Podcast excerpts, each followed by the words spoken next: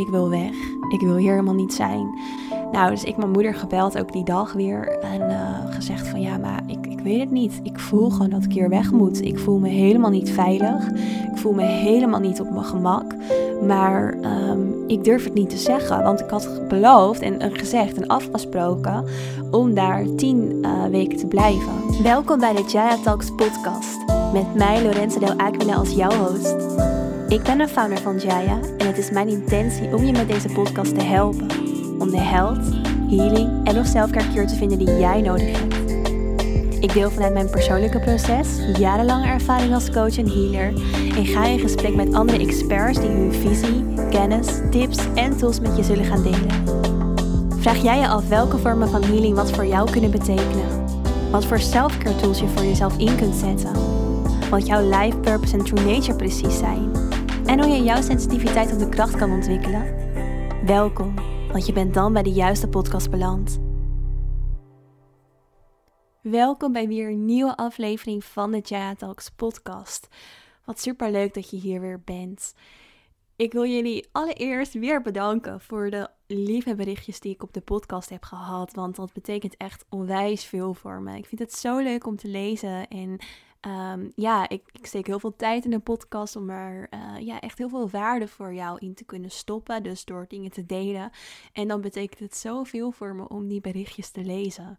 Ehm, dus daar wilde ik deze podcast sowieso mee beginnen. Ik vind dat echt super leuk en super lief ook dat jullie daar de tijd voor nemen. Dus blijf dat ook vooral doen. Blijf me vooral berichtjes uh, sturen op Instagram. Ik vind het helemaal echt gek als je de podcast wilt delen in jouw Instagram stories.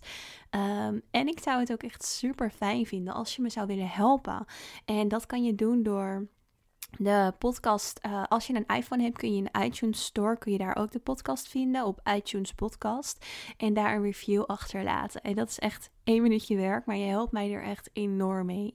Dus um, ja, ik dacht, nu jullie zoveel lieve berichtjes naar mij hebben gestuurd, zou ik het ook echt te gek vinden als je mij wil helpen om de podcast te delen. Zodat ik er ook ja, ermee door kan blijven gaan en jullie uh, nog meer waarde kan blijven geven. Dus um, ja, alvast super bedankt, als, bedankt uh, voor als je dat zou willen doen. Dat zou echt helemaal te gek zijn. Nou, uh, ja, dan in deze aflevering. Deze aflevering gaat over een onderwerp waar ik onwijs vaak vragen over krijg. Omdat het uh, ook vaak best wel een beetje um, ja, vragen oproept bij mensen. Het is, er zit ook een heel bijzonder verhaal achter. Um, en ik vind het altijd ook lastig om dat dan heel kort uit te leggen. Um, en het gaat over waarom ik naar Thailand ben verhuisd. Want ja, misschien weten de meeste van jullie het wel, maar misschien als je deze podcast nu, of als je nieuw bent bij deze podcast, dat je het nog niet weet. Als je mij uh, nog niet kent, dan, dan weet je het misschien ook niet. Maar ik woon het grootste gedeelte van het jaar in Thailand. En nou ja, dat mensen zijn vaak benieuwd van hoe ben je daar terecht gekomen? En um, ja, dat is dus een heel verhaal. En ik wil je vandaag meenemen daarin. Want het een bijzonder verhaal is waarin ik van alles heb geleerd. Um, en wat eigenlijk ook wel echt helemaal in het teken staat van vertrouwen op je intuïtie. Uh, vertrouwen op je intuïtie heeft ook te maken met luisteren naar jouw true nature. Dus waar je weet wie jij diep van binnen bent. En um, ja, daarachter gaan staan. En uh, ja, daarom is het ook wel weer heel erg passend bij deze podcast, waarin ik jullie help om meer vanuit je true nature te leven. Dus meer vanuit wie jij diep van binnen echt bent. En ja, daar heb je je intuïtie voor nodig. Um, wat ik heel veel zie in coachings die ik geef, en, met name dus in het uh, online True Nature programma van Jaya, dat vrouwen uh, sensitive femmes het vaak lastig vinden om op hun intuïtie te vertrouwen. Uh, ook omdat die intuïtie heel sterk ondergesneeuwd wordt door een hele sterke innerlijke criticus.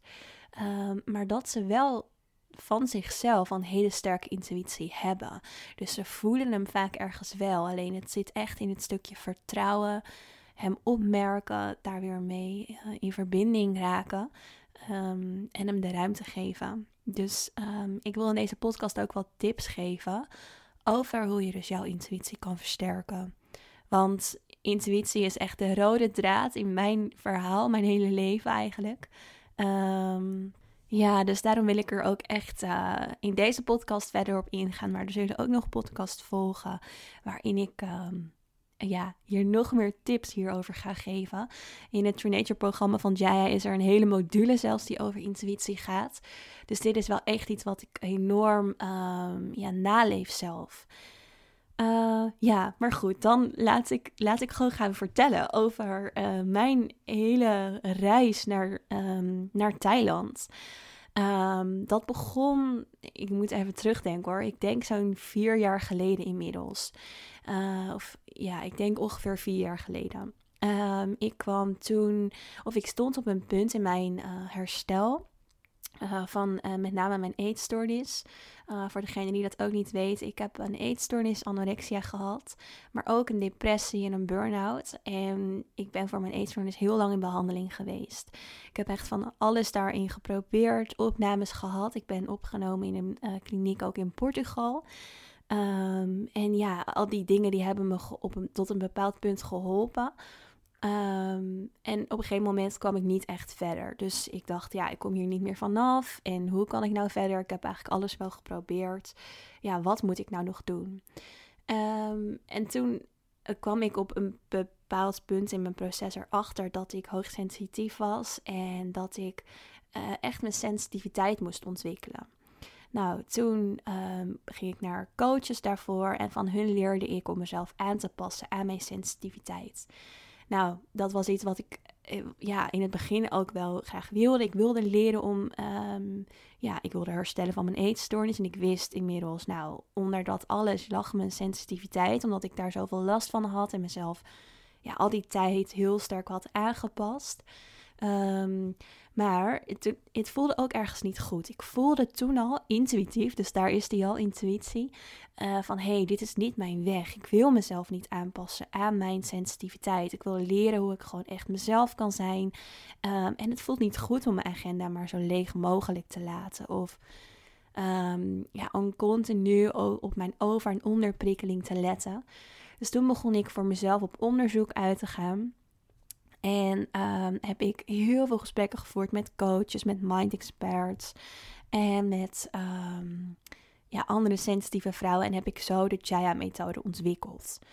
Um, en een beetje ergens in dat proces van het ontwikkelen van de Chaya-methode, die ik dus eerst echt voor mezelf heb geschreven, omdat ik het helemaal niet eens was met de visie op hoogsensitiviteit. Dus ja, je krijgt een label of een stempel. Of nou ja, dat geeft al heel veel herkenning. Maar tegelijkertijd voel je ook alsof je een beetje een zwak vogeltje bent. En nou, dat, dat resoneerde bij mij totaal niet. En mijn intuïtie vertelde me dus van... hey, hier ligt werk voor jou. Dit is echt iets waar je ja, ja, in op onderzoek uit mag gaan. En ik wilde toen ook zo graag voor mezelf kiezen. Ik wilde dat echt ik wilde, ik had mezelf zo lang aangepast en um, ik was zo verwijderd geraakt van mezelf. En ik had gewoon het verlangen van waarom kan ik gewoon niet echt mezelf zijn? En nu heb ik weer een ander label. Kan ik dadelijk herstellen van mijn eetstoornis, maar is het weer hoogsensitiviteit waar ik dan ja, wat er wat iets over mij zegt. En ik wilde gewoon weten wie ben ik nou echt? Want heel veel mensen zijn hoogsensitief, dus dat zegt eigenlijk ook weer helemaal niks over mij.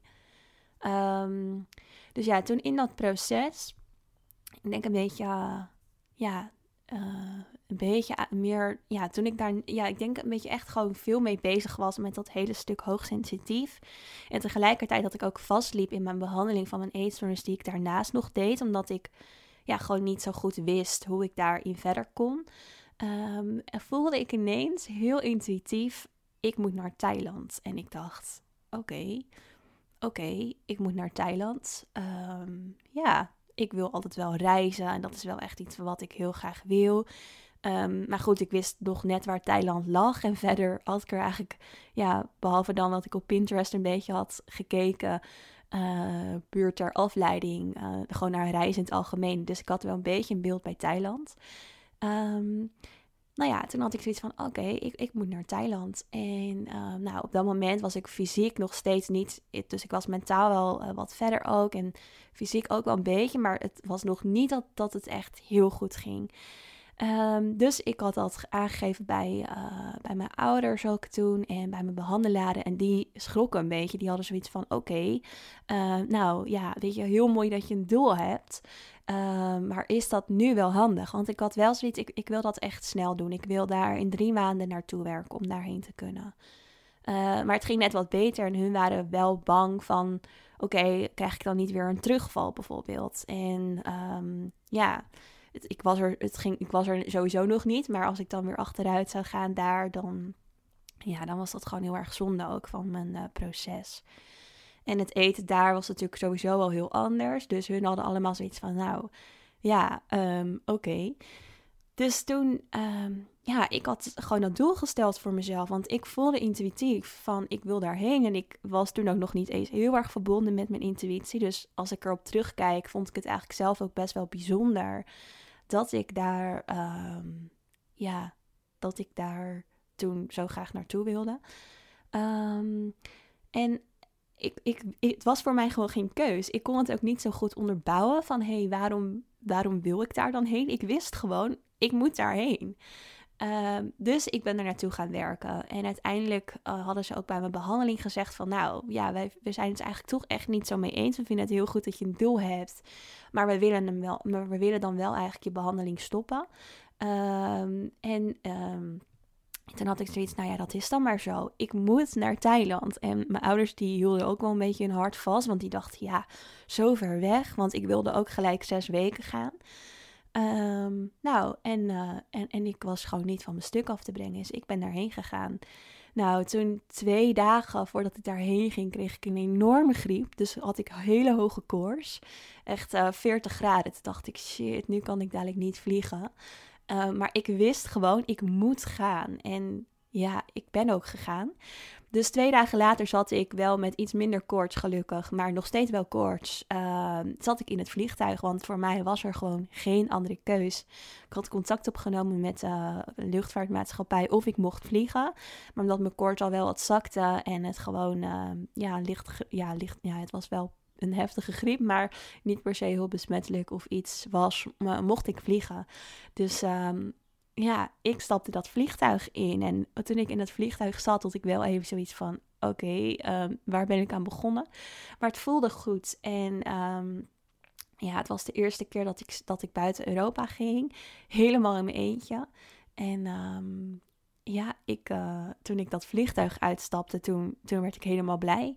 Toen dacht ik, oké, dit is een gevoel van thuis voelen. Ik had me in Nederland nooit thuis gevoeld. En uh, dat klinkt misschien een beetje, um, beetje gek. Of uh, dat ik dat best wel nu ook heel duidelijk en uh, ja, heel, heel duidelijk zeg. Van ik heb me nooit thuis gevoeld. Maar dat wist ik toen ook niet. Maar als ik er laat, toen ik er later op terugkeek, toen besefte ik me wel van hé. Hey, ja, ik voelde me nooit thuis. En um, nou ja, ik voelde me altijd anders. En ik had hele andere waarden vooral.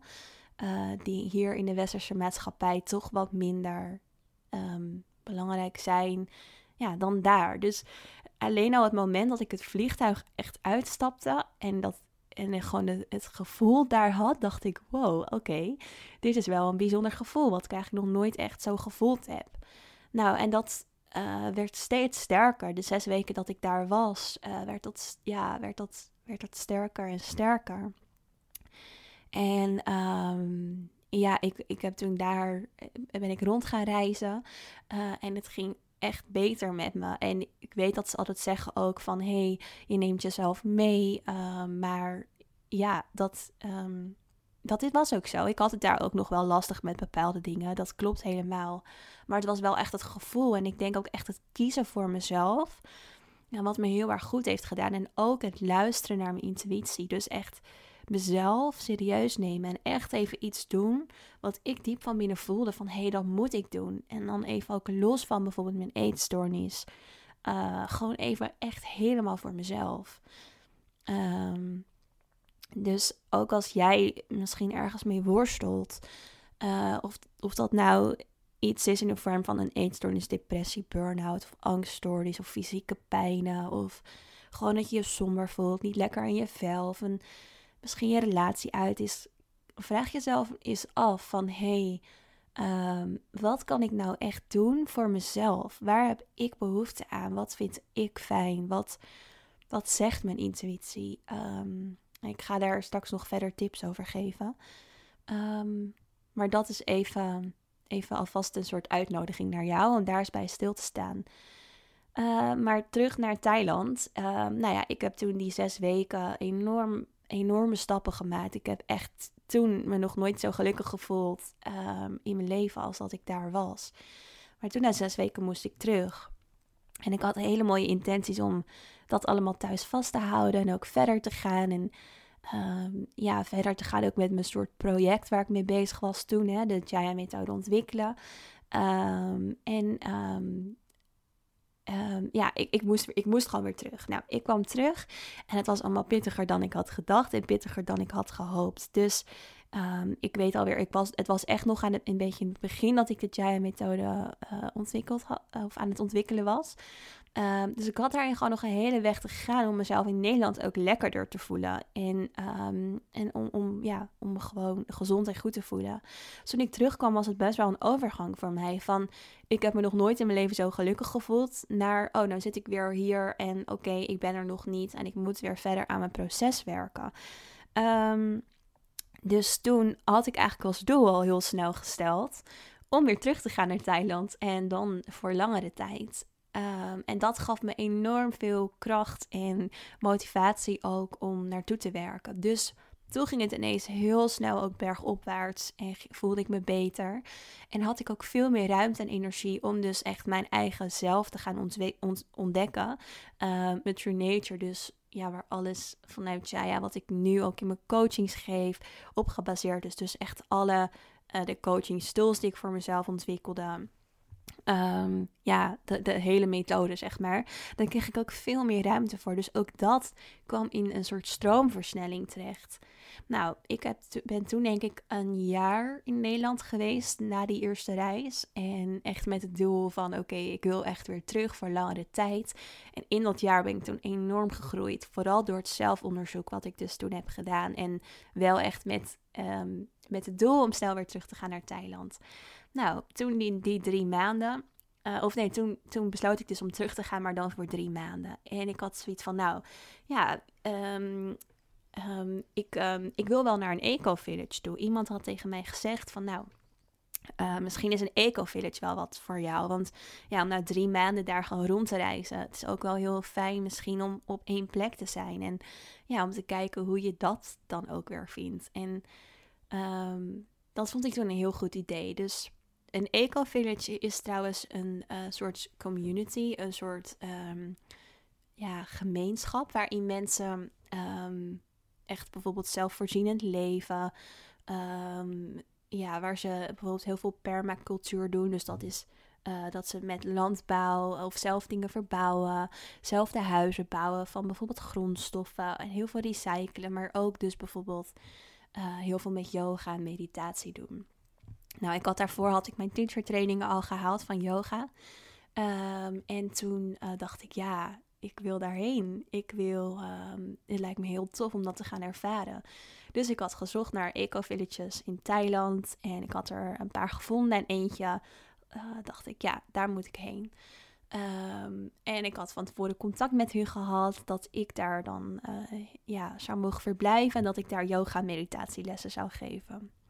Nou, was allemaal heel tof en ik dacht, ja, echt leuk om dat ook te gaan ervaren.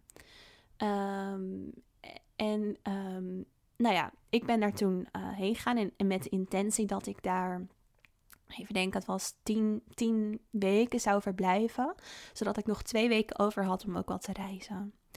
Nou, ik, um, ja, ik weer uh, het vlieg, vliegtuig in naar de Eco Village. Ik moest dan eerst uh, overstappen op Bangkok. Moest ik helemaal naar het noordoosten van Thailand vliegen.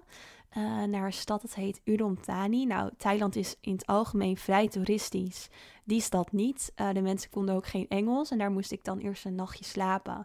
dan moest ik ergens een lokaal busstationnetje vinden. Zonder dat de mensen Engels spraken. En um, uh, moest ik daar een bus zien te vinden, die dan ja, naar een, een of ander plaatsje reed vlak bij de grens met Laos. Dan moest ik aan de buschauffeur vragen of dat hij me er ergens bij een politiestationnetje in geen plaats, dus gewoon ergens een politiestation, um, ja, hij zou dan wel weten welke, me eruit wilde zetten. Moest ik daar een stukje lopen om een tuk-tuk te zoeken.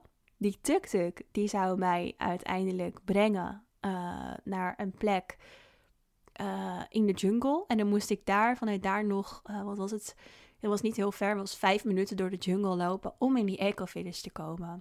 Dus dat waren de instructies die ik van tevoren al kreeg. En ik dacht, nou, voelt een beetje alsof ik ehm, Floortje ben, van Floortje Dessing naar het eind van de wereld. Maar ik ga dit aan. Ik voelde gewoon, ik, ik wil dit avontuur aangaan. Dus dat voelde intuïtief dan ook heel goed. Nou, het de intentie die ik van tevoren ehm, eh, voor mijn reis had gesteld, want dat is eigenlijk de hele draad van dit verhaal, was dat ik beter wilde luisteren naar mijn, naar mijn intuïtie. Dus ik wilde beter uh, op, naar mezelf echt luisteren. Ik wilde echt kiezen voor mezelf, want daar was ik dat afgelopen jaar tussen de eerste keer Thailand en toen heel erg mee bezig geweest. En ik uh, was eigenlijk zo goed bezig geweest ook met de Jaya-methode ontwikkelen. Of dat, dat heette toen natuurlijk nog helemaal niet de Jaya-methode, maar meer die coachingsmethode. En ik begon toen ook steeds meer mensen een beetje te helpen. En ik had wel zoiets van, nou, ik wil deze uh, twaalf weken, die drie maanden, wil ik echt nog wel heel, uh, wil ik echt groeien in het kiezen voor mezelf en luisteren naar wat ik ook echt nodig heb. Luisteren naar mijn true nature, luisteren naar mijn intuïtie. Dus dat was mijn intentie waarop ik die hele reis ook aanging. En, dat, en die hele uh, weg ook aanging naar die plek in de jungle. Um, nou, die hele reis, dus al die stappen die ik daarvoor moest nemen, die gingen in principe goed. Uh, ik vond het wel even, op een gegeven moment toen ik in dat busje zat, dacht ik wel, oh jeetje, hoe ga ik hier, hoe ga ik daar komen? Ik, ik, ja, het was echt. Ehm, ik had gelukkig aan iemand gevraagd die wel Engels sprak. Of dat ze het voor mij in het Thais op wilde schrijven. Dus ik had een papier bij me. En, uh, en daarop stond in het Thais. Uh, dus dat waar ze me er ongeveer uit moesten zetten bij dat politiestationnetje. Nou, en daar zag ik gelukkig een tuk-tuk uh, chauffeur. En die wist dan welk punt dat dan was in de jungle. En vanuit daar wist ik wel, uh, stonden er wel bordjes hoe ik dan moest lopen. Maar dat was wel echt dat ik dacht, oké, loop ik hier in mijn eentje in de jungle. Nou ja. Ja, en toen begon het eigenlijk pas echt. Toen begon het. Um, ja, als ik op terugkijk nu, nu ik dit zo vertel, krijg ik gewoon weer een beetje kippenvel. Ook weer een beetje een broek in mijn keel. Um, dus ik ga het proberen zo goed mogelijk te vertellen. Maar dat was echt wel um, heftig. Ik kwam daar aan en uh, ik zag eerst niemand. En ik stapte een soort yoga shala binnen. En ik weet nog dat het heel mooi licht was. Dus dat licht, dat scheen heel mooi die ruimte in. En toen dacht ik, oh, ik ben zo benieuwd hoe dit hier gaat zijn. En toen kwam ik bij de mensen, dus ze waren toen aan het eten. Het was een kleine groep. Er waren dit keer niet zoveel mensen, want um, ja, er waren ook wel regelmatig dan vrijwilligers. En um, ja, het wisselde zeg maar een beetje. Maar er waren uh, iets van acht mensen die daar dan vast woonden. Het was een, uh, een eco-village die echt begon, zeg maar. Dus het was niet een hele grote community die al jaren bestond. Uh, maar ze waren zo'n anderhalf jaar, denk ik, twee jaar waren ze bezig in die kleine groep. En met behulp van vrijwilligers wilden ze het dan verder uitbreiden. Nou, en ik kwam daar binnen en um, toen ik hun zag, waren het best wel aparte type mensen. Nou, en ik heb daar normaal helemaal niks tegen. En ik ben ook helemaal niet oordelend van mezelf. Um, maar ik dacht wel even van, oh, het is wel fijn altijd dat je een beetje zo'n gevoel hebt dat je met iemand kan connecten, weet je wel? Dat je kan levelen en dat het een beetje eenzelfde type als jij is. Want dat had ik wel een beetje verwacht en had ik gehoopt. Maar goed, het waren echt hele alternatieve mensen. Um, en ik dacht, nou oké, ik, ja, ik ga dit gewoon aan, het komt vast goed. Maar ik voelde me wel een beetje ongemakkelijk toen al. Nou, toen bij het eten eh, ben ik erbij gaan zitten en ik wist gewoon al wel van, nou, dit gaat een mega grote omschakeling zijn natuurlijk. Naar echt um, ja, helemaal afgesloten van de wereld uh, met een nieuwe groep mensen. Logisch dat ik moet wennen. Um, dus ik... nou, ik, ik, had, ik zei gewoon zachtjes in mezelf: Oké, het is oké. Het is oké. En uh, het is logisch dat je hier moet wennen. Nou, uiteindelijk, um, ik er even bij gezeten en uh, ik wilde er gewoon het beste van maken. Toen, um, toen heeft een van, die, uh, van, de, van de meiden, van de vrouwen daar, die gaf me een rondleiding. Nou, het was wel echt een super mooie tuin. Het was echt wel heel tof hoe ze alles zelf verbouwden. Dus ze vertelden me ook hoe ze de huizen hadden gemaakt. Dat was echt van een soort, ehm, van een soort leem gemaakt. Dus dat wordt dan uh, met aarde, zeg maar, uh, ja, op een bepaalde technieken met aarde. En uh, stukken van oude flessen, plastic flessen. Dus dat recycleden ze. Of een soort bakstenen. ja, dus dat was wel heel tof. En um, nou ja, toen kwamen we ook bij het toilet. En het toilet was echt gewoon een bak waar je op moest gaan zitten met allemaal spinnen erin. Of in dat huisje. Het was, stond wel een huisje, zeg maar, omheen. Nou, de douches waren, uh, even denken, dat was echt een soort slangetje met koud water, wat dan weer gefilterd was. Dus dat was gewoon echt een enorme overgang. Echt enorm. Um, alles was ook wel een beetje, ja, ik weet niet, het was gewoon echt heel primitief. Um, en dat is ook, ja, weet je, je hebt heel verschil in eco-villages. Dus de ene die is net wat minder primitief dan de ander. Maar deze was dus echt wel vrij primitief. Nou, na die rondleiding, toen overviel me ineens wel een beetje zo'n gevoel van... Oh jee, waar ben ik aan begonnen? Hoe ga ik hier, hoe ga ik dit doen? Maar tegelijkertijd had ik ook wel echt zo'n soort gevoel van... Ik wil dit heel graag. Ik wil dit echt uh, gaan ervaren.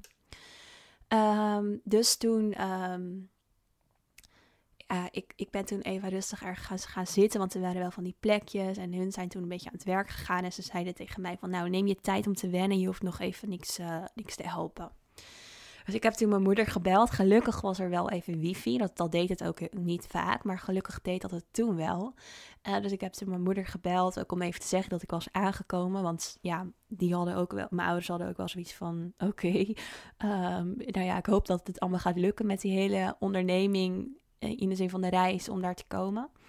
En uh, ik moest toen ineens heel hard huilen toen ik met mijn moeder aan het bellen was. En ik, ik bekroop me zo'n gevoel van, in, mijn intuïtie zei toen, dit gaat mij niet lukken om hier lang te blijven.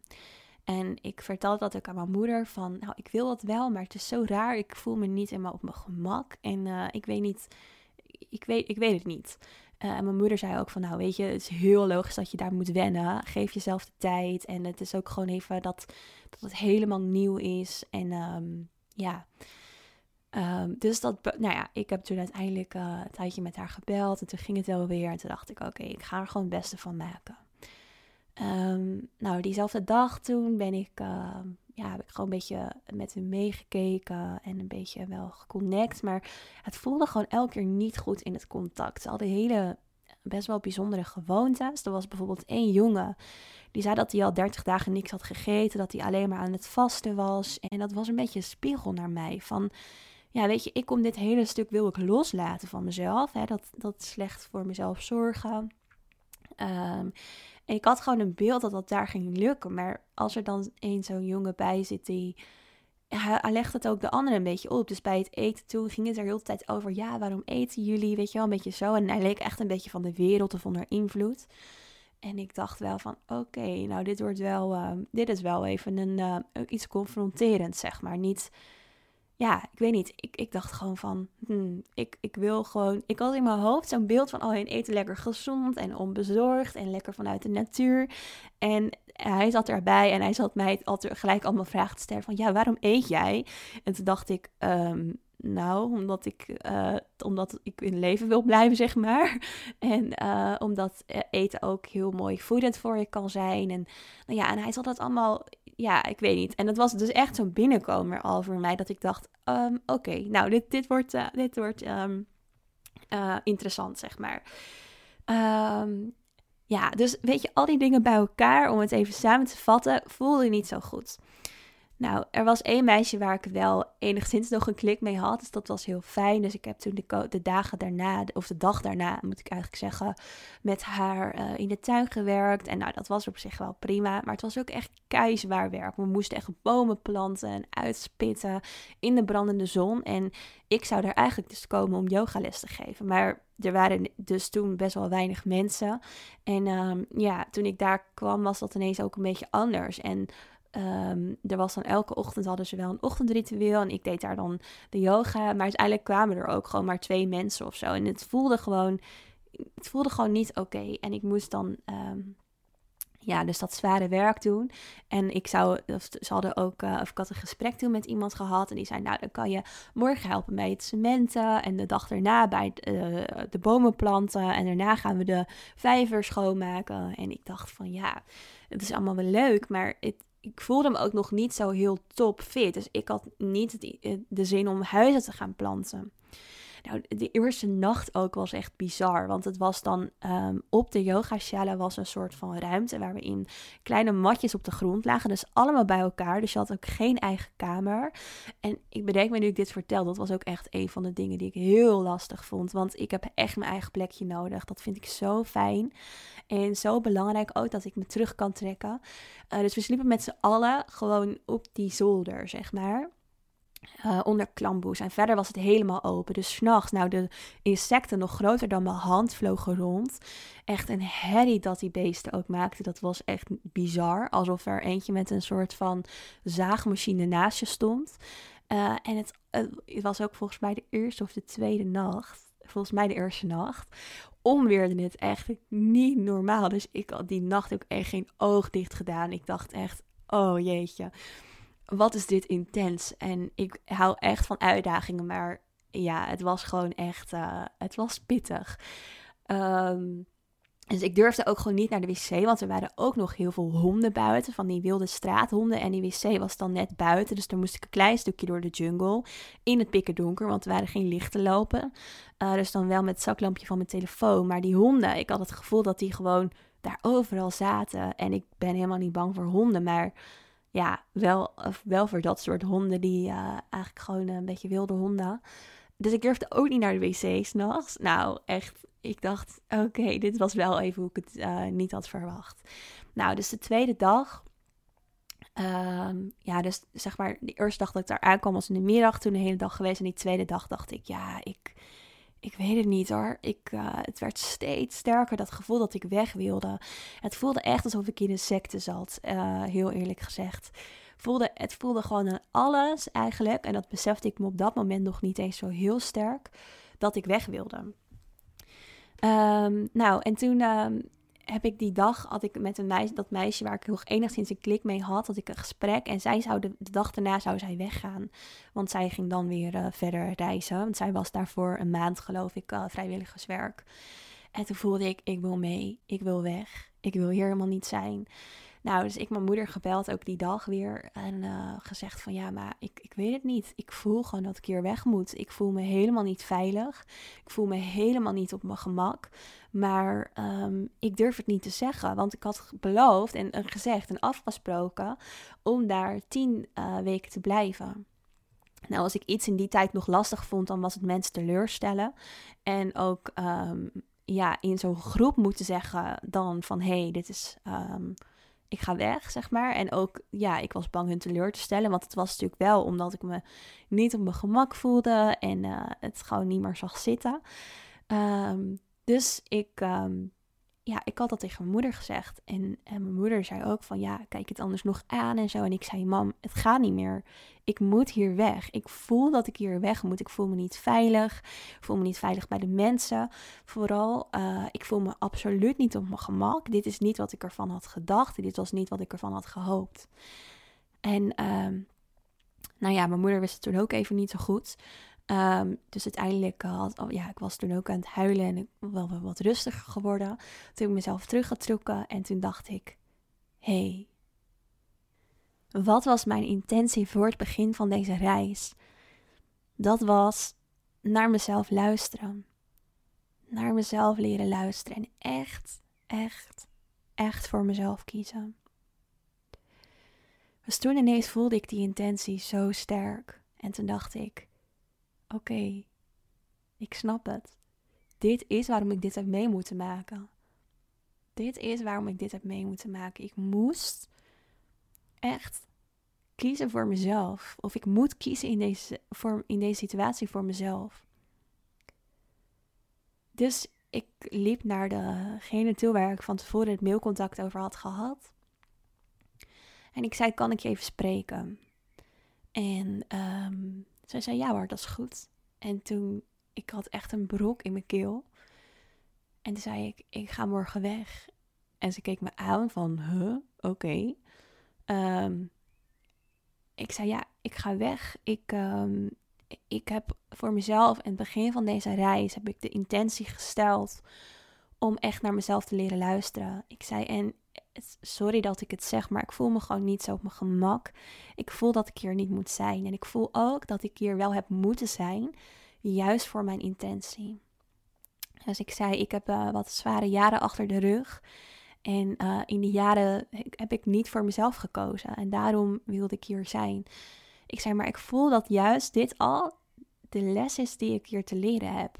Dat ik naar mijn intuïtie luister. Dat ik voor mezelf kies. En toen was het even stil. En het bizarre was nog dat ik ehm, die ochtend een gesprek had gehad met de eigenaar. En dat was trouwens een Nederlander.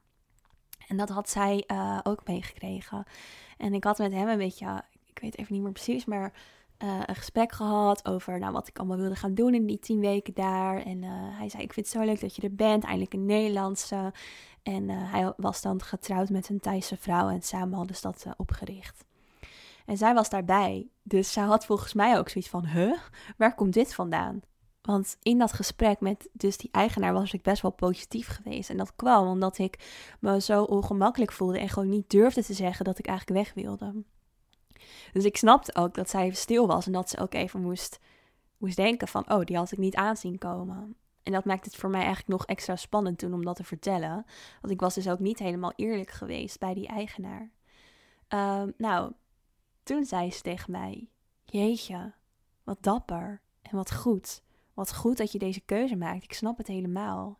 Ze zei: Ik vind het zo mooi dat je naar jouw intentie luistert. En ja, dan moet je dat ook zeker doen. Wees niet bang om ons te kwetsen. Want ehm, ja, weet je, wij willen jou hier ook niet als jij je ongemakkelijk voelt. En dat is voor ons ook niet fijn. Dus toen was zij gelukkig heel uh, begripvol. En ik vond haar ook wel nog wel op zich wel oké. Eh, ik voelde me bij haar niet heel erg ongemakkelijk. Zoals ik me bij de rest, van de groep eigenlijk wel voelde. Um, dus toen zei ze, maar ik wil wel dat je het in de groep zegt. Nou, ik, oh, ik weet nog dat ik dat zo lastig vond. Dus toen um, kwamen eind van de middag, kwam iedereen bij elkaar. Nadat ze dus in de tuin hadden gewerkt en gebouwd hadden. En nou ja, ik weet niet allemaal. En toen moest ik het zeggen. En ik wist nog dat ik bij en die woorden niet uit mijn keel kreeg. Maar toen ik het gezegd had, voelde het zo fijn. Toen dacht ik, ja, oké, oh, ik kan hier weg. Dus toen moest nog wel één nacht daar slapen. Want de volgende, nacht, of de volgende dag zou dat andere meisje weggaan. En, dan konden we samen een tuk-tuk delen. En konden we samen dus het stuk door de jungle lopen. En die tuk-tuk en nou, en zo verder gaan. En toen dacht ik wel ineens, oh shit, ik heb dus nu nog wel, ehm, nou ja, echt tien weken. Want ik was, dat was dus de derde dag waarop ik wegging. Uh, wat ga ik dan doen? Dus uh, het was heel dicht bij de grens met Laos. En ik had wel al langere tijd zo'n gevoel van... hé, hey, ik wil wel graag naar Laos gaan. Dus toen ben ik naar Laos gegaan. Ik heb toen uh, geregeld dat ik daar kon komen. En uh, de stad Vientiane, of Vientiane, Vientiane, zoiets, ligt daar best wel vlakbij in Laos. Dus ik dacht, nou ga ik daarheen en dan zie ik het wel. En dan ga ik vanaf dan, dan gewoon even mezelf de ruimte geven uh, om een plan uit te stippelen. Nou, Laos, dat trok me dus best wel lang al. En um, ik ben daar rond gaan reizen. En ook dat viel tegen. Terwijl ik daar juist zo Um, ja, ik had altijd gezegd Thailand en Laos, dat lijkt me wel wat. Want Laos is wat minder toeristisch. Het is, um, um, het, is heel, heel, de natuur is echt prachtig. Uh, en dat was ook zo. Alleen ik had de pech dat het heel slecht weer was. En uh, de mensen vielen me heel erg tegen. Dus ik was, was de mensen in Thailand gewend. Dus even niet de mensen in de Eco Village. Maar, want dat waren trouwens ook geen Thaise mensen. Dat waren dus allemaal expats. Maar van mijn reis daarvoor was ik, ja, was ik de Thai gewend. En die zijn heel open en heel vriendelijk. Um, nou, ik naar Laos. Die mensen vielen me tegen. En het weer dus. En ik ben er toen anderhalve week geweest. En ik had nog het idee om helemaal van het noorden naar het zuiden te gaan. Liep dus allemaal anders. Doordat ik ja, ook daar dacht van nee, nee, dit is het niet. Ik was zo zoekend en het voelde niet, voelde niet goed. Um, nou, toen uh, besloot ik van, nou, weet je wat, dan ga ik naar Myanmar. Dat ligt daarnaast. Dus weer een ander plan, ik naar Myanmar. En Myanmar vond ik wel echt fantastisch. Het was echt een prachtig land. Hele lieve mensen. Het was ook een beetje een mix. Hele andere mensen, meer een mix tussen Thai en uh, Indiërs. Dus dat was ook best wel weer even een omschakeling. Ehm, maar goed, ik volgde dus ook toen weer mijn intuïtie. Omdat ik voelde, nee, Laos is het niet. Ik ga naar Myanmar. En in Myanmar heb ik wel echt een hele toffe tijd gehad. Ik ben er... Uh, nou, ik had toen gepland om er een maand te blijven. Omdat ik een visum kreeg voor een maand. En ik dacht, nou, dan eindig ik daarna in, uh, in Thailand. heb ik daar nog een paar weken over. Dus ik, ja, tijdens de reis van Myanmar werd ik steeds vermoeider. En ik werd moeier. Ik voelde me niet helemaal goed. En uh, ik, op een gegeven moment kon ik er niet meer zo van genieten. En uh, Myanmar is echt nog een land wat uh, enorm um, primitief is. Dus waar je in Thailand nog wel eens neer kan ploffen bij een lekker koffietentje en gewoon een boekje kan lezen, zeg maar, dat is in Myanmar er niet in. Het zijn allemaal, je zit op houten stoeltjes. Um, het is, um, ja, eten met je handen. het, ja, het is gewoon nee, toen ik er was, was het echt nog totaal niets ontwikkeld.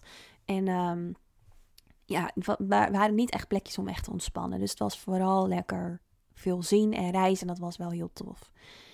Um, maar ik, ik was dus steeds vermoeider aan het worden. En ik had toen een dag dat ik... Uh, was, ik had toen uiteindelijk mijn ticket wel geboekt al. Voor die, na die maand, zeg maar, terug naar Thailand. En um, nou, ik op een gegeven moment, had ik een dag waarop ik dan een hele dag met een, um, met een meneer op pad zou gaan naar alle tempa, tempels en alle uh, stupa's. Om die te gaan bekijken. Dus ik zou achterop bij hem op de motor gaan om dat allemaal te gaan, uh, gaan zien. Uh, want dat zijn allemaal van die hele oude steden, zeg maar, die je daar. En overblijfselen van, ja, van de boeddhistische tijd en um, ja, alle stupa's en zo. En hij zou mij s ochtends om. Um, om acht uur ophalen en om zeven uur s'avonds weer thuis brengen na de zonsondergang. En ik dacht een paar dagen van tevoren al, toen ik het wel had geboekt, van oké, ehm, ik hoop dat ik het trek, want ik was echt heel moe. Ik was een paar keer bijna staand op slaap, zo staand op straat in slaap gevallen. Um, omdat het gewoon, ik weet niet, het kwam er ineens heel erg uit. Dus ik was ook wel bang om weer in een burn-out te komen. Ik dacht, oh nee, wat, wat, uh, ja, niet weer, zeg maar. Ik, ik, let juist zo goed op mijn grenzen en ik luister naar mezelf. En ik kreeg ook wel energie van het reizen. Maar die vermoeidheid werd steeds sterker en sterker. Nou, ik met die man op pad. Toen om tien uur had hij me afgezet bij een tempel. Die tempel lag op een berg. En hij zei, nou, loop maar omhoog. Het zijn heel veel trappen, maar doe maar zo, daar zo lang over als dat je wil. En uh, ik zie je wel weer beneden. Ik ga hier wachten. Nou, en het waren enorm veel trappen. Echt heel veel trappen. En ik was, uh, en ik had van tevoren al, toen ik beneden stond en dus richting die trappen liep, zoiets van: oké, um, oké, ik ga dit doen. Ik, uh, ja, ik ga dit doen. Nou, ik die trappen op. Ik denk dat ik op nog geen kwart was. En ik, ik ben gaan zitten aan de rand van die trappen. En er was bijna helemaal niemand ook. En ik stortte weer in. Ik dacht, shit, waar ben ik nou mee bezig? Eerst die eco-village, toen Laos, nu ben ik hier en komt ineens een enorme vermoeidheid naar boven. Wat wil dit me duidelijk maken? En toen voelde ik intuïtief dat ik terug moest gaan naar die chauffeur, naar dat, naar dat mannetje, zeg maar. En moest zeggen van ik wil naar huis, ik wil terug naar mijn hotel en uh, ik wil niet meer verder. En ook toen weer vond ik het doodeng om dat te zeggen. Want ik vind het gewoon heel lastig, of vond het toen heel lastig, om mensen teleur te stellen. Of uh, nou, om dan voor mezelf te kiezen of om een grens aan te geven. Maar het was mijn intentie. Ik wil luisteren naar mezelf, naar wat ik nodig heb. En op dat moment um, had ik dat nodig. Dus met lood in mijn schoenen liep ik weer naar beneden. En toen vond ik hem en toen lag hij te slapen op zijn scooter. Want die mensen daar die slapen letterlijk overal, maakt niet uit. Dus toen moest ik hem ook nog eens wakker maken. En toen voelde ik me zo ongemakkelijk. Dus ik, ja, ik dacht, shit, oké. Dus ik echt met zweet over mijn lijf die man wakker gemaakt. En um, hij had echt zoiets van, huh, ben je nou wel terug? Want dat waren natuurlijk echt heel veel, heel veel trappen. En ik had überhaupt nog een tijdje zelfs uh, op die trappen gezeten om te moeten verzamelen. En uh, ik zo, ja, ik, uh, ik, ik, voel me niet zo lekker. Ik wil eigenlijk heel graag terug. Kan dat? En hij keek me een beetje verward aan. En um, hij zei, ja hoor, dat kan, dat is goed, dan gaan we terug. Hij zei, wil je anders nog wel even langs die brug rijden? Dus ik zei, nou ja, dat is goed. Dan rijden we daar nog even langs en dan wil ik daarna graag terug. Nou, en dus ik was om, um, om 12 uur of zo in de middag weer terug in mijn hotel. En toen dacht ik, ja weet je, ik heb hier nog twee weken. Ik dacht, dat trek ik niet. Ik heb gewoon behoefte aan, aan niks doen, aan een retreat of iets. Nou, en ehm, ik weer mijn moeder gebeld, want dat was voor mij echt fijn om uh, even met iemand te sparren, zeg maar, daar, die het ook begreep. Want ik had natuurlijk wel mensen die ik ontmoette tijdens mijn reizen. Maar ja, mijn moeder wist van mijn hele achtergrond en ook van mijn intentie. Dus het was heel fijn ook om uh, ja, het wel echt even met iemand over te hebben. En die zei, waarom boek je niet nu, vandaag, een ticket voor maximaal morgen of overmorgen terug naar Thailand en ga je daar een retreatcentrum opzoeken? En ik dacht, ja, weet je, het is zonde van dat ticket wat ik al heb, want dat kon ik niet meer annuleren. Maar ik dacht, ja, dat moet ik doen. Dat is wat mijn intuïtie mij vertelt.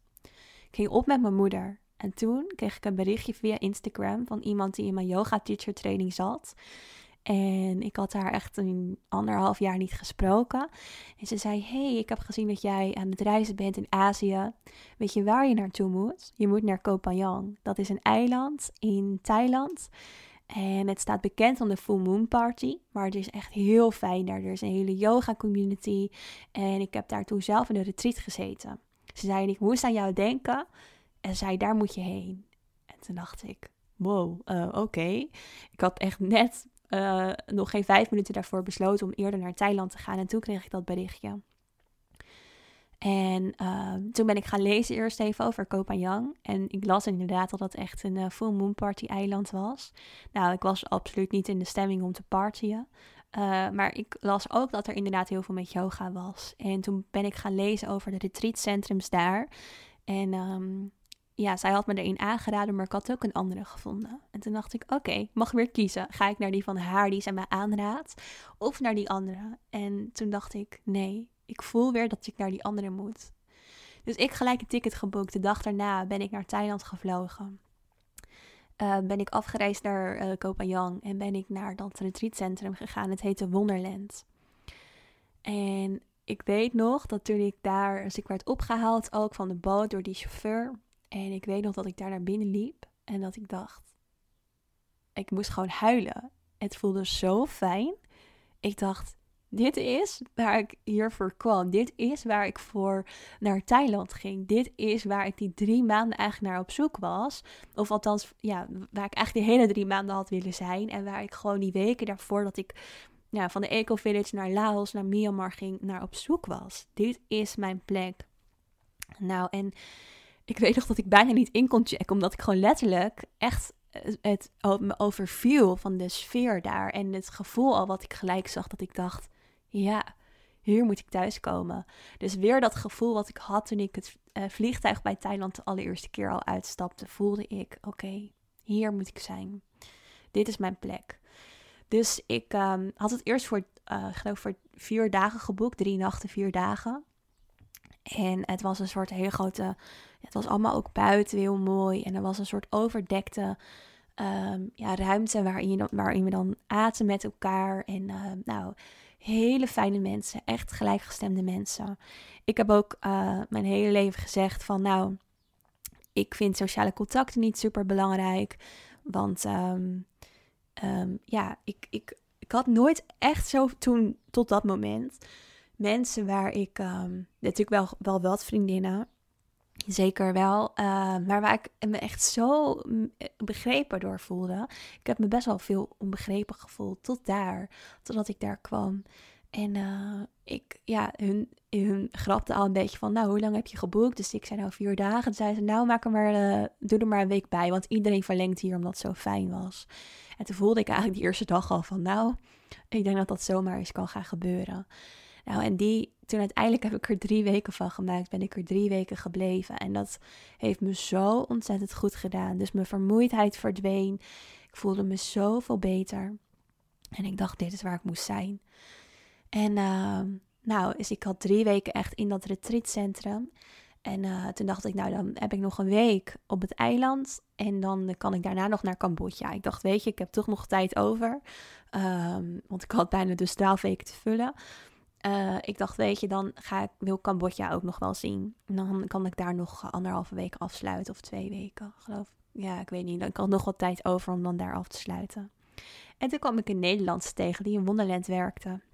En ik vroeg aan haar van, hey, weet jij nou nog een leuk uh, plekje op het eiland waar ik, ehm, ehm, waar ik die week op kan verblijven? Want ik vond het ook wel, ik wilde eigenlijk helemaal niet weg uit Wonderland, maar ik dacht, ja, ik wil ook wel wat van het eiland zien. Toen zei ze, nou, ehm, ik heb wel, uh, je mag wel in mijn huis, want ik kan in het huis van een vriendin en dat is op het strand. En ik heb zelf een huisje in de jungle, zei ze. Ze zei, nou, je mag wel in mijn huis hoor, maar 5 euro per nacht en uh, ja, dan ga je daar toch lekker in. Dus toen mocht ik in haar huis. En uh, toen ik daar in dat huis zat, dacht ik: Jeetje, wat fijn. Wat is het heerlijk hier. En uh, ik vond het eiland ook echt geweldig. Ik vond het er zo fijn. En toen voelde het dus voor, of ik voelde toen hoe het was om daar te wonen. Uh, om daar in dat huisje te zitten. En ja, om daar, uh, om daar echt te wonen, soort van. Dus er is best wel een grote groep met uh, mensen, met expats die daar ook wonen. En ik voelde ik werd er steeds meer een onderdeel van. En iedereen kende, of steeds meer mensen die kenden mij ook. En ik kende hen. En ja, het was echt alsof ik daar een nieuwe familie een beetje kreeg.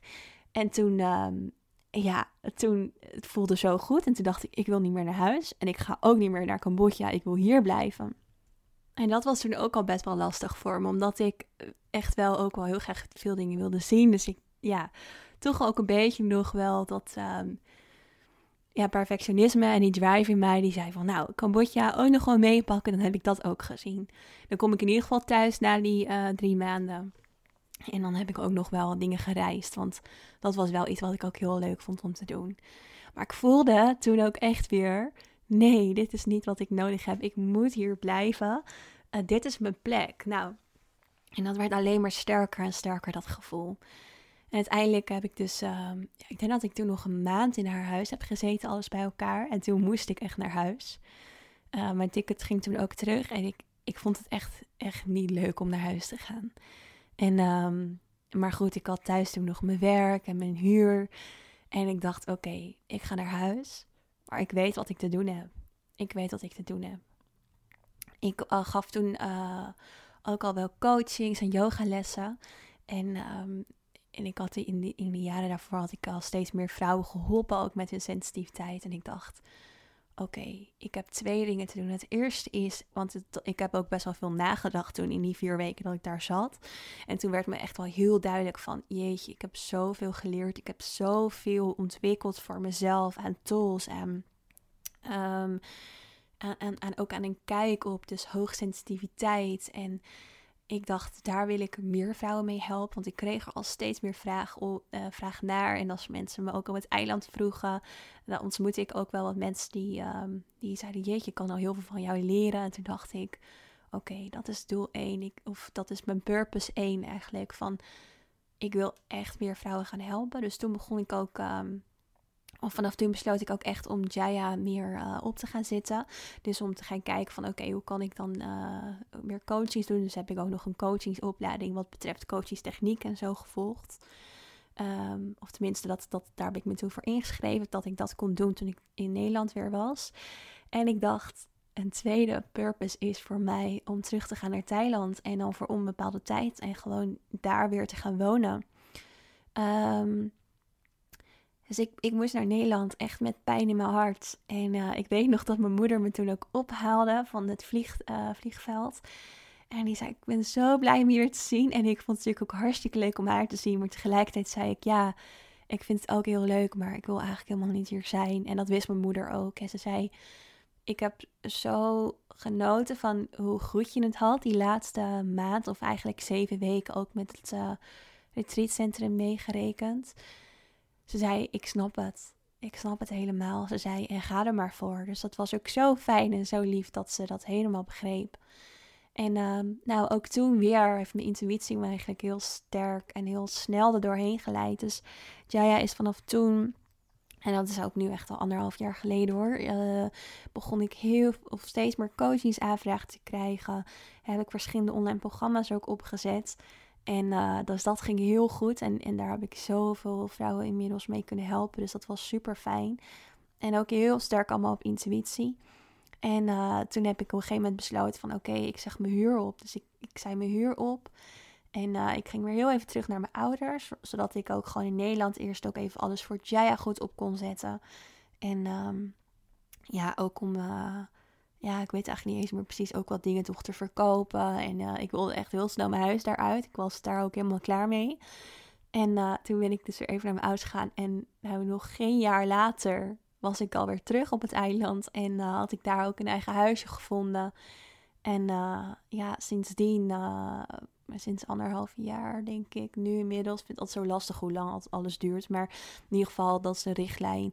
Um, woon ik dus nu daar het grootste gedeelte van het jaar. En ja, dat is echt een helemaal begonnen. Dus met eigenlijk die allereerste keer naar Thailand gaan. En um, echt, echt mijn plek. En weet je, het, bij mij is het Thailand. Misschien is het bij jou gewoon Nederland. Is het bij jou waar dan ook. Dat is ook helemaal, dat maakt ook helemaal niet uit. Maar waar het om gaat is dat als je uh, ja, eigenlijk als je dus echt die intentie gaat stellen van hé, hey, ik wil weer echt vertrouwen op mijn intuïtie. Ik wil luisteren naar, naar uh, mezelf. Dat je ook geholpen wordt door van alle kanten eigenlijk. Uh, om, om daarop te vertrouwen. En dat is zo mooi om te ervaren. En dat werkt zo krachtig. En vanaf toen ben ik ook echt nog meer helemaal daarvan uit kunnen uh, gaan leven. En dat deed ik daarvoor al, maar dat is gewoon. Er is geen andere mogelijkheid meer voor mij, zeg maar. Ik krijg ook nog best wel vaak de vraag van, mis je niet Nederland? Of ik vind het zo knap van je, zeggen mensen wel, van dat je die stap hebt genomen. Maar het is het meest makkelijke wat ik ooit heb gedaan. Echt waar. Het voelt zo kloppend en het voelt zo natuurlijk. En ik had ook geen andere keus, zeg maar, toen meer. Want toen ik eenmaal had gevoeld hoe het was om daar te wonen, kon ik er in Nederland niet meer. Uh, kon ik eigenlijk niet eens meer echt in Nederland wonen. Omdat ik gewoon voelde van, dit is mijn plek niet. En als ik het niet serieus had genomen en uh, in Nederland was gebleven, ja, dan had ik niet helemaal naar mezelf geluisterd. En dan had ik ook niet helemaal op mijn intuïtie vertrouwd. Dus dat, um, ja, dat, dat was gewoon echt. Um, dat is voor mij de grootste les geweest. Dat is eigenlijk waar het allemaal op neerkomt. Dus stel je intentie, luister naar je intuïtie en durf ook gewoon echt die stappen te nemen. Um, bij mij was, als ik niet naar mijn intuïtie had geluisterd, had ik misschien al die tijd dus in die secte gezeten in Thailand. En dat ik wie weet wat er was gebeurd, want ik voelde me daar echt niet veilig. Um, en had ik ook mijn plek niet gevonden op Koh. Dus um, ja, dat is, ja, dat is voor mij gewoon een van de mooiste dingen in mijn leven wel geweest. Dus uh, ja, ik zie ook dat ik alweer bijna een uur aan het praten ben. Ik dacht, nou, ik denk dat deze podcast een half uurtje gaat duren. Ik vertel het wel, maar het is ook zo'n verhaal van het een kwam het ander toen. En uh, ja, ik hoop dat je hier wat aan hebt ook om, uh, om mijn verhaal te horen. Dat het je ook kracht mag geven. En vertrouwen dat als ook jij zoekende bent, dat het ook goed komt. En dat je hiervoor hulp mag vragen. Stuur mij ook een berichtje. Kijk echt heel graag met je mee. Um, als je echt uh, hiermee aan de slag wilt, dan kan ik je ook zeker het Your Nature programma aanraden. Omdat het ook gewoon helemaal hieruit voort is gekomen. Uh, dus daarin gaan we niet jou het HSP-label laten versterken. Maar echt um, leven vanuit uh, jouw true nature en daarin, daarvoor ook je intuïtie gebruiken. Dus um, je intuïtie is gewoon de sleutel naar jouw true nature. Zo kan je het eigenlijk zien. En ik zou eigenlijk ook nog in deze podcast allerlei tips geven over intuïtie. Maar ik denk dat ik dat in de volgende podcast doe, anders wordt deze zo lang. Ik denk dat je daar sowieso al wel wat tips uit hebt kunnen halen. En zeker ook uh, misschien heel veel kracht uit kan halen. Um, en om dan dus af te sluiten. Um, ja, vind ik het nog wel mooi om je een opdracht te geven. En dat is om eens stil te staan bij een situatie waarin je uh, niet op je intuïtie hebt vertrouwd. Dus waarin je er niet naar hebt geluisterd. En waarin je misschien ook helemaal niet voor jezelf hebt gekozen. Dus haal die situatie maar even voor je. Dat kan je nu gewoon doen terwijl je naar deze podcast luistert. Dus misschien zit je in de auto. Denk er gewoon eens aan. Of misschien ben je aan het wandelen. Of schoonmaken. Om dus even daarop te reflecteren. En je kan het ook later doen natuurlijk, maar het is wel belangrijk om daar eens bij stil te staan van hé, hey, um, ja, wanneer heb ik er nou niet op vertrouwd? En dan ook de volgende vraag is, hoe voelde je je toen? Dus wat heeft het met je gedaan om hier niet naar te luisteren? Welke emoties voelde je bijvoorbeeld? Of welk gevoel? Wat heeft dat met jou gedaan? Als ik bijvoorbeeld er niet naar had geluisterd, dat ik al die tijd in, uh, in die secte gezeten. En ja, ik zou er eigenlijk niet aan willen denken hoe dat dan uh, zou zijn verlopen. Of um, wat het met mij persoonlijk zou hebben gedaan. En wat ik dan ook had gemist. Uh, mijn plekje in Thailand, het eiland. En denk dan vervolgens eens aan een moment waarop je wel op je intuïtie hebt vertrouwd. Dus waarop je er wel naar hebt geluisterd en wel voor jezelf hebt gekozen. Hoe moeilijk dat misschien ook was op dat moment. En wat heeft dat met je gedaan? Dus wat heeft dat je opgeleverd en welk gevoel heeft dat je gegeven? Dus misschien was het op het moment wel heel lastig. Dat was voor mij ook zo toen ik moest vertellen, bijvoorbeeld in de groep, van hé, hey, ik ga weg. Maar daarna viel er echt een last van mijn schouders. En als het een van de meest waardevolle dingen die ik ooit in mijn leven heb gedaan tot nu toe. Dus misschien heb je ook wel zo'n ervaring. mocht je die niet hebben, weet dat je, dat, dat je daar naartoe kan werken. Dat kan. Je kan echt leren om op je intuïtie te vertrouwen. En ik weet zeker dat als jij naar deze podcast luistert en je is ook een gevoelige vrouw bent, een sensitive femme, dat je ook een hele sterke intuïtie hebt, maar dat die misschien ondergesneeuwd wordt door je innerlijke criticus. Of dat je het wellicht lastig vindt om erop te vertrouwen of naar te luisteren. Dat kan.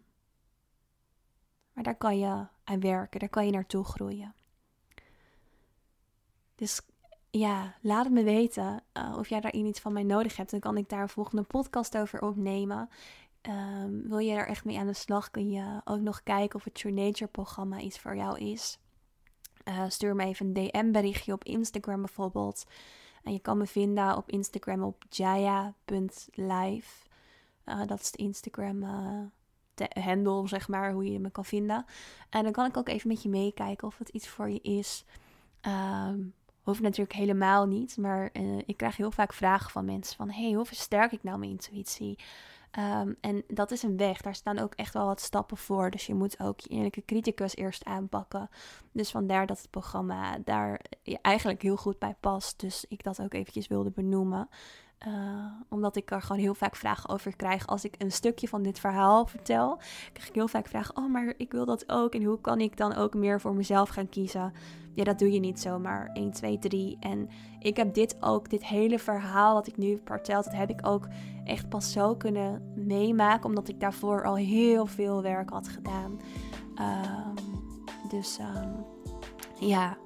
Nou, ik ga het hierbij laten, want ik ben alweer meer dan een uur aan het praten. Uh, maar ik vind het super leuk om dit verhaal nu eindelijk te delen. Um, en, en, jou daar een inkijkje te geven over hoe, uh, ja, waarom ik ook in Thailand zit. Uh, nu zit ik trouwens in Nederland door corona.